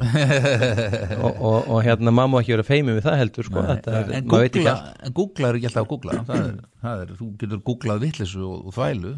Hvernig veistu er ég, hvað er rétt í þessu? Ég heldur betur. Og það er náttúrulega hluti af því sem kannski er vandin í þessu að, að við sjáum það sem við notum í, í okkar þjálfun og það sem við höfum lært auðvitað læknisfæði sem dæmi að þá notum við orðalag eða frasa eða, eða tækniorð sem að almenningur kannski er ekki með á, á taktinum eðlilega þannig að við getum með því einu sér getum við einhver leiti sorterað. Og svo sjáum við líka og þekkjum hvaða í raun og veru veitur eru örugar, það er að segja að við getum svona, það er ekki alveg sjálfgefið en, en maður getur treyst ákveðnum veitum mun betur en öðrum. Og maður til dæmis segja það að, að læknar á landsbítala hafa aðgang að og, og reyndar víðar að, að sem sagt, vefsíðu sem heitir up to date og er einn upplugasta lækna upplýsingar síða sem til er og það, hún er uppfærð stöðugt og þar eru raunverulega valit upplýsingar á meðan að til dæmis það væri allt öðru sem það farið á einhverju vefsíðu bara út í bæ sem er kannski stýrð af einhverju fyrirtæki. Þetta er, og, og, og fyrir sjúklingana er þetta mjög svipa, það eru ákveðna síður sem eru góðar og aðrar eru kannski verri. Hérna heima er að verða að gera ímislegt í þessu og þannig að þetta er svona dálítið frumskóur og, og hérna og fyrir lækni eða fyrir sjúkling e, þá er þetta ekki alveg sami hlutur hvernig maður leitar á netinu. Og við getum til dæmis sagt að, að, að það er alltaf áhugavert að, að það er búið að taka saman og ég svona, skautaði nú aðeins yfir það að hver eru algengustu fyrirspurnir miða við fylki í bandaríkjónum ég reyndi að skoða þetta fyrir Ísland, ég fekk ekki gögnin, það gekk ekki alveg hérna nógu hratt fyrir sig en, en það er hægt að segja til dæmis í bandaríkjónum árið 2018 yfir allt árið þá leituðu fylkin voru með mismunandi algeng leitarorð. Og það getur verið tengt við auðvitað einhvers konar faraldra eða veikindi eða eitthvað sem er komið upp. Og þetta er aldrei áhugavert að við getum sagt sko Alaska leitaði oftast að þvakkfæra sýkingum Já, og einhver getur sagt já það er kallt í Alaska og þá getum við líklegt að fá þvakkfæra sýkingar svona auðlaleg samtenging sko. Nú Kalifornía leitar að syfilis þetta er mjög áhugavert sko. og flestir leita að ADHD nýju fylki leita að ADHD sem að reyndar er búið að vera mjög vaksandi að, að greinast. Og HIVF og, og, og, og svona smittsjúdómar en svo koma hlutir eins og til dæmis binge drinking, það er að segja að vera að drekka í, í miklu magni Iowa state og leitaði mest að því. Og það talið að það er ekki þeir einna mest sko af þessum fylgjum. Og svo framvegst, þannig að þetta er mjög skemmtilegt gefur vísbendingar svona. Já, þetta er skemmtileg gögn og, og þeir tóku þetta nú saman líka, eh, voru að eldast við þetta og sáu til dæmis að, Kentucky leitaði mikið að livrabólgu og þar var sko stórt svona livrabólgu hérna e, tilvik þar sem að margir smituðust og, og það er sem sagt hægt að setja þetta fram með, með Idaho fekk E. coli sýkingu og þá fórum hann að leita því. Þannig að auðvitað er þetta mjög reyfanlegt en, en kannski yfir árin ef maður raðar þessu upp þá sér maður hvert er trendið. Og þetta getur greint niður á náttúrulega miklu, miklu dýpra.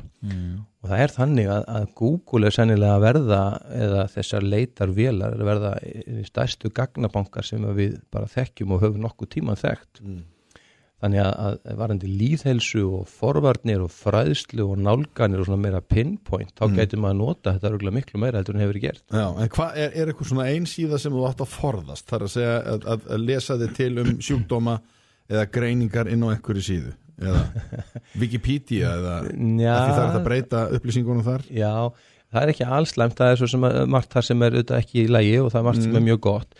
Það er mjög örðið að fullir að svona en svona almennt séð, svona æsinga frétta miðlar, við skulum orða það Já, þannig. ok. Ég ætla ekki að nefna nefna neinöfn, æsinga frétta miðlar sem að grípa eitthvað upp, sem að fólk les kannski mikið, geta búið til ákveðin svona æði og trend og til dæmis uh, þegar þekkið það tíu hlutir sem allir ætti að gera árið 2019 þetta er það sem er best fyrir það að borða. Þetta, er það, þetta er ekki svona einfalt. Nei. og, og þegar maður á við sjúkdóma þá, þá er þetta alveg klárlega atriði sem að hérna, við höfum áhyggjur af þetta að menn fyrir með rángar upplýsingar og mögulega gera sér ílt en í yfirburða og yfirgröndu meirluta held ég að þetta sé nú allt í góðu sko. En stundum giska ég á að, að, að til lagnisins komi sjúklingur með kannski enginni sem að hann jafnvel er ekki vissum og þekkir ekki þá gæti ég giskað líka á að Google gæti nýst læknunum mjög vel til dæmis þess að leita eftir einhverju sem að kannski er ekki svo algengt og svo framvegis. Gríðarlega og það er það sem ég var að segja áðan. Við höfum þá aðeins aðra að leita tækni bara út frá okkar þjálfun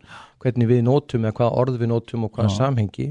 Af því að sko Google náttúrulega er, er þetta alveg gríðarlega flott tæki það, ef þú kannt að nota það eins og allir þekkja. Mm. það er auðvitað að fá rangar og, og svo mjög gott að fá góðar upplýsingar og já og það er til líka svona crowd-based það er til sem þú getur tekið þátt í því til dæmis ef þú hefur haft áhyggjur af einhverju þá er bara að myndast í raun og veru svona uh, höppar þar sem þú getur sett inn í raun og veru tilvik þar sem að þú hefur áhyggjur af að þetta sé að þú veist ekki hvað er að þú getur leita að ráða annars staðar. Það er alveg gríðarlega áhugavert sko. Já, þú, þú settir upp hérna senu hérna eh, sjúklingur kemur til þín og veit meira kannski eða allavega kemur með einhverja nýja hlið á, á, á greiningunni sem þú hefur ekki heyrt um er, er þetta eitthvað nýtt þar að segja, er að, er að lækna sig kannski nýfannir eða e, fannir að viðurkjöna það eða, eða samþykja það bara að sjúklingurinn veit kannski meira um málið heldur en hann eða hún Já sko, ég held að engin lækni muni viðkjanna það svona almennt bara e- e- þeirra, þeirra vegna sko að þeir séu minna með minni þekkingu en, en sjúklingarnir almennt. En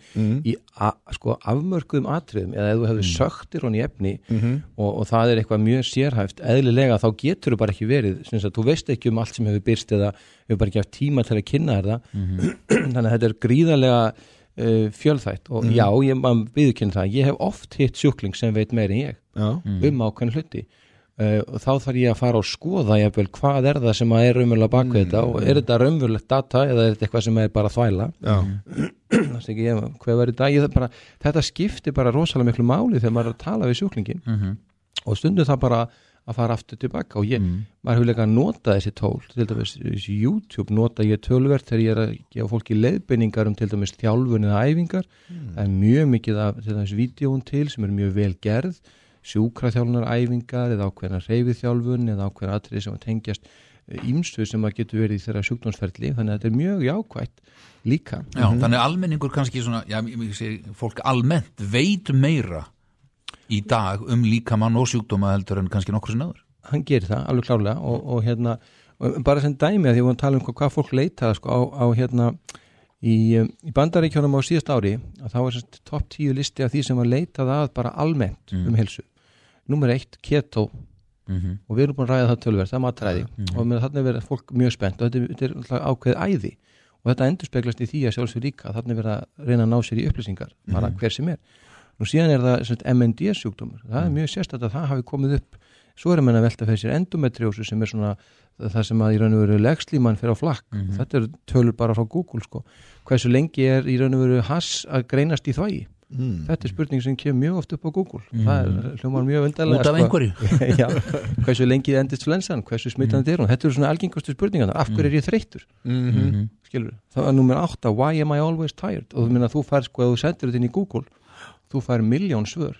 Og þú getur verið komið með skjaldkirti sjúkdóm krabbamein, þú getur verið komið með sko, og þú getur komið með blóðleysi og þú veist ekkert hvað þetta er. Og þú veist alltaf í öllum tilvíkum þarna þarftu aðstoflæknisins og hann þarf þá að koma tilbaka og hjálpa þér með greininguna sama að hverju þú kemst á Google þú endar í raunveruleikanum alltaf hjá læknum eða út að glíma við einhver vandamál. Í, ná, í nánast öllum tilvíkum þarftu líka já aðstóð Já. að því að þá höfum við aðgengið að rannsóknum eða getum sett saman þetta í samhengi eða, eða já, í raun dismissað eins og maður segir, bara að þetta getur bara ekki staðist bara lífeðlisfæðilega, lífefnafræðilega eða læknisfæðilega stendst þetta bara ekki. Það er til, eða þá því já við þurfum að skoða þetta frekar, til dæmis að mæla skjálkitt til þessum er þreyttur, það getur verið ástætti þess. Það. þannig að Google hjálpar Já, en ekki alltaf. eh, Teitur Guðmundsson Læknir, takk hjálpa fyrir komuna. Hlustaðu hvena sem er á í bítið hlaðvarp. Hingað eru konir, tveir frábærir einstaklingar Vala Valdísdóttir lögfræðingur og, og Marger Vilhjánsson frængóttastjóri Komið í sæl og blessu bæði tvö. Já, takk Góðan fyrir sem leiðis. Já, við ætlum að fara yfir frétti vikunni eins og Gulli sagði, var alveg bríða Já, hérna, við vorum eitthvað að spjalla saman á hann. Mhm. Við hérna, Marger og það var svona, við vorum samanlega það sem með flest, sko, allavega Já, já, eitthvað svona. að það væri nú... Það er um hvað þið viljið tala eða? Já, eða hvað væri í rauninni fréttnæmt í vikunni? Mhm. Við ætlum að leifa okkur kannski svona smá útsving í því. Já, En það var náttúrulega þetta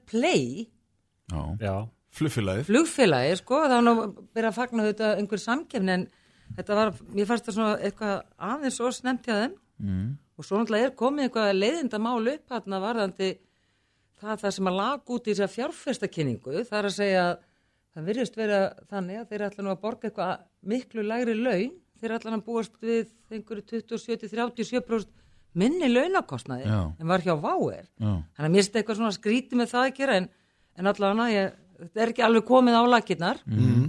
Ég veit ekki hvað segir þú margir ég, ég er bara svo ill innréttaður, sko, að ég, þú veist, fór strax bara, vá, akkur er þeir að skýra flugfélag eftir sleipiðefni, sko. og þú veist, það var svona fyrsta, en auðvitað er þetta náttúrulega frábælega jákvæðar fréttir, en, en hérna, þú veist, hvenar fer þetta í sölu? Hvenar opnar vefurinn? Þetta var svona meiri eins og ykkur, okkur vantar smá penning til þess að fara af stað, svona þegar maður fer að hugsa þetta. En, en frábært. Og svo eins og, eins og Vala segir uh, þá er maður búin að vera að heyra sögur. Ég á vin sem á sem sagt konu sem flög hjá Vá og, og, og spurði hann allar hún ekki að sækja um og bara aftur í loftið? Þá sagði hann nei, þú veist hún hefur engan áhuga á því, þú veist hérna, flugfólki þarf að koma sér sjálft til kepla ykkur Nú voru svolítið það Já, þú veist, og svona sögur fara að fljúa en þú veist, ég ætla ekki að selja þetta dýr en ég Nei, kefti nei, þetta en, en hérna, og svo eins og Vala var að segja læri laun og eitthvað, þú veist og þú veist, er það eitthvað spennandi? Það er reyndar alltaf verið að skamma Íslandi er fyrir að, að, að greiða of hálaun en hérna, það sem ég þekki nú aðeins til að þá nú kannski aðeins leikurinn þar að það er svo mikið greitt í dagpenningum að það sem hún færið útborgað er svo mikið, hlutfælslega það, þú veist, það fyrir ekki allt sem þú ert að hyrða bara beint til Bjarni Ben. Já, Nei, nei, stór hlutin er náttúrulega dagpenningar, auðvitað. Já, það er í en þú, þú, fær dagpenningan ekki í lífeyri Ó, nei. mm. Já, já Það- En, en ég meina, hvað segið þið þá? Mér fi- finnst þið eins og þið talið þannig að þið hafið ekkert mikla trú að þetta verða raun- ég, ég, raunverulegt? nei, ég, Nei, við- ég er hrikalega jákvæður og þú veist bara hvuna fyrir þetta í sölu Já. þá fyrir Já. eitthvað að gerast Já, e, og, og, og þessar, þessi sex áfangastæðir voru ekki alveg á hreinu en komu Nei, nú- það er ekkert komið um nú það. eitthvað út í gær Jú, þeir sögðu að þeir væri á hreinu þeir vildu bara ekki tilkynna það. Og það er ennþá, þú veist, flugurekstra leiði er ekki ennþá komið en það er verið að klára það. Mm. og þú veist, út af því segjum að bara, heyrðu, var verið að þú veist af hverju var verið að skjóta af stað núna? Þegar það eru ennþá svona margar spurningar. Já, það er og- alveg svo með hana vinkon okkar sem keipti vá. Já, já. Hún ætlar bara að flytja fisk. Fyrst svona, í tveimur flugum. En það, var svona vill skrítið endilega að flytja fisk. það hefur nefnilega ekkert heist frá þeim fyrir núna. Maður Já, þá það að það- að það er ekkert follow-up. allt tilbúið sko. En það eru konar auglýsingar.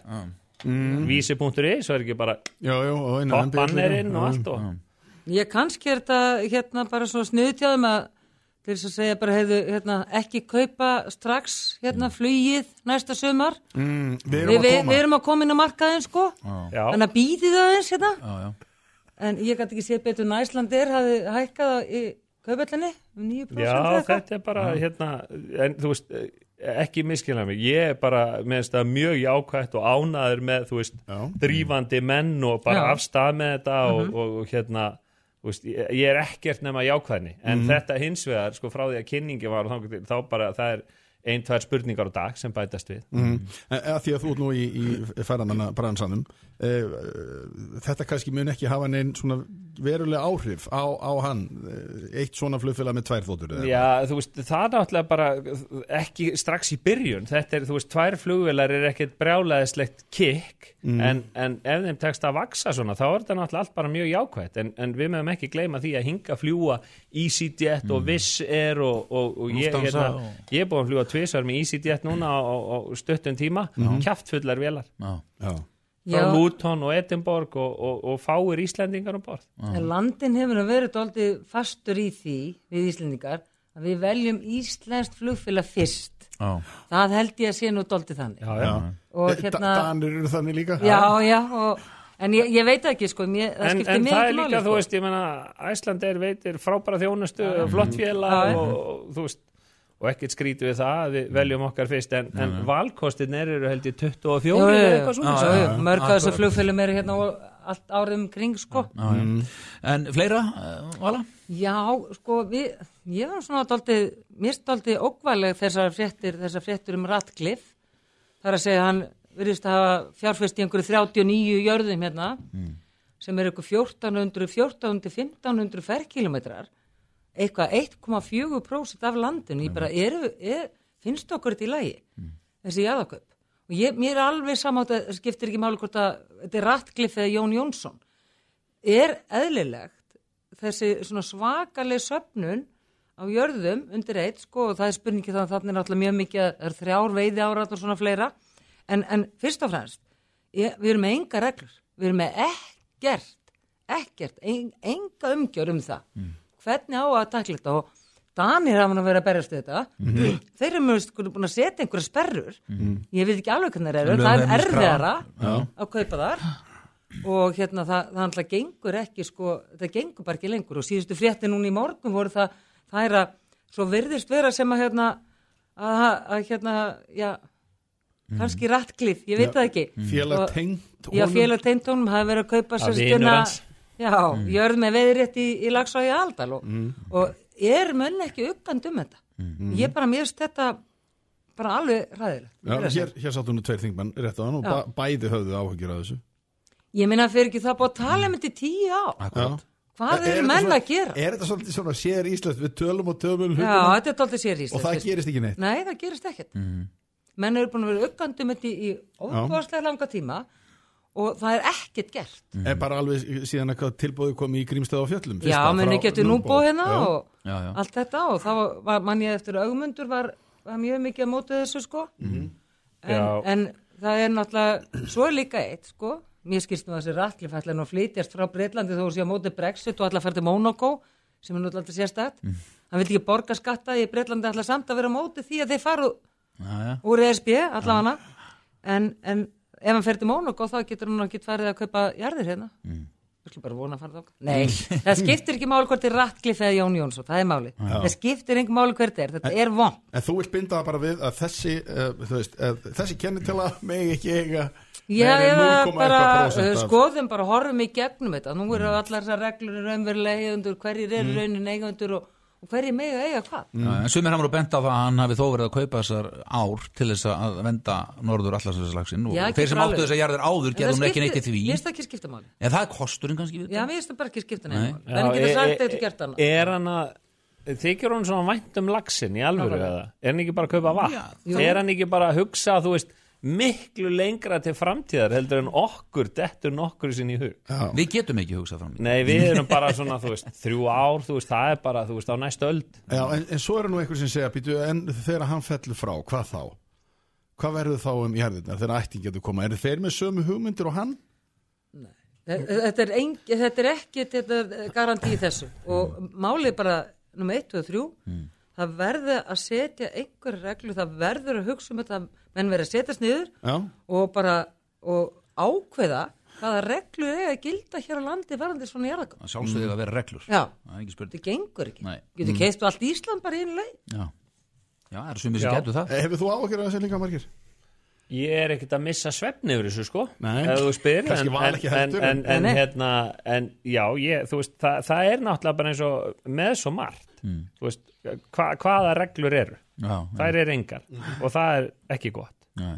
og við erum og við þurfum átt okkur á því, veist, við erum smáríki með rosalega mikið landplást já. Og, og þegar að menn geta komið og bara keftit upp hvað ef, ef, spörum okkur svona ef þróunin heldur áfram eins í tíu ár hvar verðum við þá? Já, nákvæmlega. Já, en við, við einblínum svolítið á Radcliffe en svo er e, svisneskur auðvögur sem hefur nú keft upp nokkrar jú. á Suðurlandi En, en, en- það, það skiptir ekki máli með þessu, það skiptir ekki máli hvort er Ratcliffe eða Jón Jónsson Mhm. eða hver sem er. Það skiptir ekki máli hvort það er Íslendingur eða Já, Breti eða bara ekki að þetta sapnist á eina Já. örfár hendur Já, já, já, en fleira? já. Já, ok. þú veist, það var þetta þarna með feitubönnin Já, allir að fitna Mhm. sem er náttúrulega ekki gott og hérna það var verið að tala um þú veist að þetta væri slemt orðið í grunnskólum og færi svo versnandi þegar kemur úlingsaldurinn og eitthvað svona. Og ég fór bara að hugsa tilbaka og, og set mig, ég á 16 ára son sem er núna í framhaldsskóla 16 ára. Og ég fæði alltaf tölvupóst þú veist í vikulega, þú veist hvernig hann sé að mæta og þú veist og, og allt svona.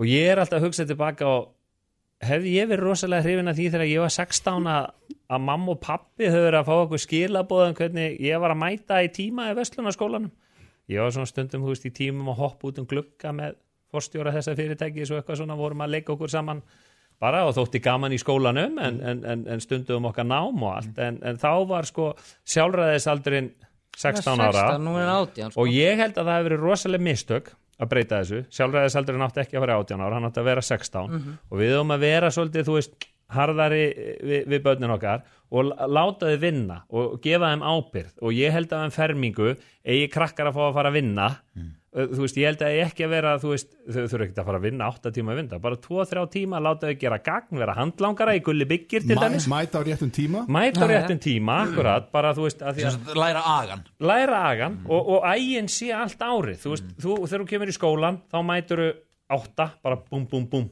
Svo er sömafrí, þá bara þá bara eitthvað. Og það eru íþróttir náttúrulega sem krakkar að stund og annað, ég held bara, þú veist að, að yfir sömatíman eh, vinnu fyrir krakka, fengi laun keft sér iPhone og svona þú veist, og, og, og kenna þeim veist, við erum að tala um hvað heitir að fjármála læsi og eitthvað, og grunnurinn er bara að þú fær tekjur fyrir að leggja eitthvað fram.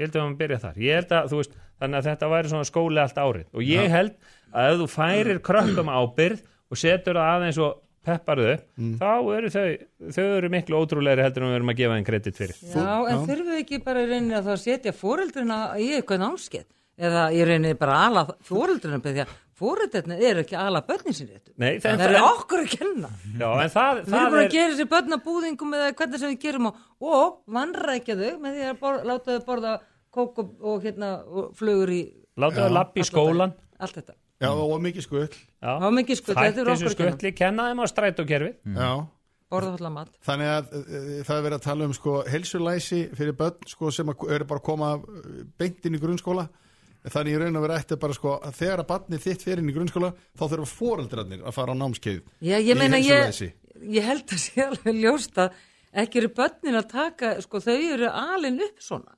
Við erum bara vonlausur uppalendur. Mm. Allan að þessi kynslu núna, ég er alveg þar líka, ég meina, við erum þarna. Já, er það ekki Í bara út af því að farsíminn er orðin svona fjárstýring á barninu? Jú, jú, það getur verið. getur alltaf hringt í krakkaðin og sagt honum hvert hann er að fara og þau í staðin fyrir að leysa úr einhverjum vesinni sjálf þá bara er hringt. Já, eða þú veist, eða væntanlega ekki hringt sendt snapp, það er ekki svo leys en, en það því þú talar um agaleysi að þá er, tengist það kannski því sem að næringafræðingur talaði um hindi í vikunni. Hún sagði sko foreldrarnir að ringi í skólan og þetta er vandamál með barnið, barnið mitt borðar ekki svona. Borðar ekki fisk, það borðar ekki þetta og borðar ekki hitt. Já. Svo er það nú eitt, ég meina, þú veist, það er, hvað, hva, er engi sem borða verilega mat? Annarkort borða fólk bara kjöt eða, eða bara e, eða vegan eða bara græmmet eða bara þetta þú veist, bara, þú veist, ég bara ég, þetta verður eitthvað vandamál framtíðan þegar þú getur ekki bóðin einum í mata því að einn er kjötæta, hinn er ketoæta, hinn er veganæta, verður þeir guðmundur alveg, er það grínar þig? Ha? Já, en það er líka í þessu að ef þú tekur upp ykkur svona lífstíl eh, vegan, eh, af hverju þarf þetta að vera tróðaði yfir á alla aðra Já, þetta er svona Mér finnst bara frábært ef, ef, að- ef að fólk þú veist, finnur það sem hendar þeim. En í guðanabænum verður ekki að tróða því yfir á alla aðra. Já, og komdu það bara með þér keto í matavistu Já, ég, ég meina, þú veist, hérna, þetta er bara, en það, það er nú einmitt þessu, eh, hérna, þessu tengt var þáttur á, á Netflix, voruð þið búin að heyra um hann? Game Changers Game Já, Changer. já, já. Mm, Mjög áhugaverður þáttur Mjög Já, áhugaverð. já, já. Og- Þó maður kannski ekki að trúa öllu en, en það var mjög, samt mjög Við áhugavert skulum bara skilja eftir mjög Já, áhugavert. það er rétt, ég er sammála því Já. Já, Mhm. já, já, um, meira? Já, Já, hvað er það? svona Já. guðmundur. Það þarf að tala um Trump núna Trump er minn maður. Oh, er ég Það er meina mann, hann er búin að fara út út Parísar samkomlega. Já. Svo náttúrulega kemur í ljós hvernig, hvað er inn í þessu kalli. Hvað er það? Það er hérna, það var nú tekið núna, hann er, hann er ótrúlegur, það er með þessu góðgerafélögu, hann er með góðgerafélög út um allt, það er svona dæmi gerur hérna peningaþættis eitthvað dæmi, en allavega, nú er hann, þurft hann að semja við einhver dómar um það að borgingur svaka segt, út af því að góðgerafélagi fór náttúrulega ekki til góðgeramála, það fór til hans sjálfs. Hann fór í kostningarsjöðin Hvar, og fyrirgjöðu og meðal annars var keitt málverk á hann sjálfum til þess að hengja upp í gólkljófnum hans þessi maður er náttúrulega bara ótrúlega Þetta, er- já, ég segi, þú ert nú golfari. Þetta er, þú veist, þessi gæði er að gera frábæra hluti fyrir golfið. Við erum aðeins Ég veit það við, við, við, við, við erum aðeins og upptekina því. Þegar við erum að, að tala um Donald Trump er bara einbytt okkar persónni en bara hvernig gengur í bandaríkjum Það gengur ágjörlega það gengur nefnilega alveg rosalega vel. Og ég held bara að, að það sé að fara að verða landslætt sigur í næstu kostningum að við fáum fjögur ári viðbót að Donald Trump og skemmtunum sem honum tengjast. Og þetta ég, þú veist, það hefur ekkert verið reikna þú veist, hvað er þetta að genereita í, í fjölmiðlum? Og það er annar hver spjallþjáttastjórnandi í bandaríkjónum er alltaf með Trump efni, þú veist, þetta bara Það selur sér sjálf. Gæin er trúður. Þetta þú veist, það, fullt af það, er, veist, það er það engin engin náttúrulega- vafamál hann er trúður. En, en við verðum að horfa á stöðuna.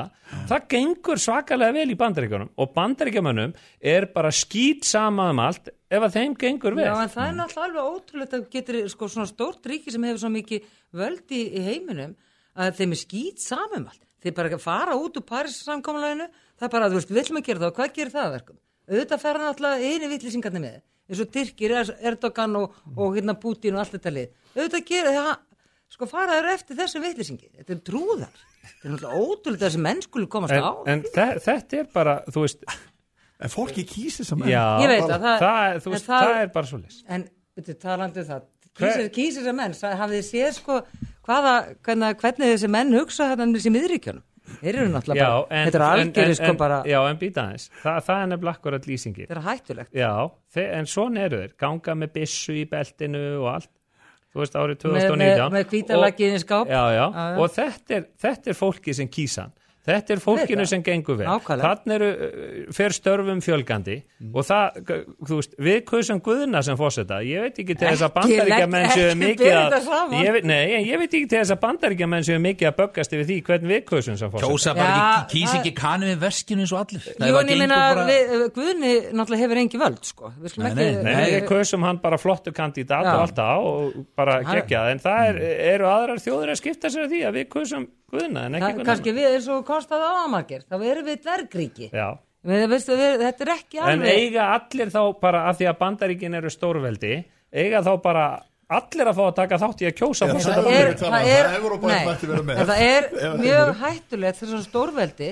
fer út úr til með Parísa samkamlænu það sem er í rauninni verið að, að, að hérna plana um það hvernig við erum að draga úr þessari línu. Já, en er það ekki miklu heiðarlegra að þeir bara fari út úr því? Að því að þeir hafa verið með en hvort þeir eru ekki að gera neitt sem, sem að stendur En, í en, samkomlega Malar, en þú, þú nefndir, hvernig koma svona til valda eins og, eins og Trump? Það er nefnilega nákvæmlega vegna þess að fólki í bandaríkjum var búið að fá nóg að hefðbundum Já, er sem sammála. móka undir sig Já, sjálfa. Já, það er allstaðar Þannig að stjórnmálamenninni geta, þessir svokvöldu stjórnmálamenn geta kent sér um það þegar Heldur slíkir virkilega komast að að Trump sé eitthvað öðru í þessi Nei, ég er ekki að segja það. Nei. En málið er það að Já, val, margir er ekki sammála því að Hann er er, bara- bara, hann er bara eins, það er bara að vera að móki annan vasa nú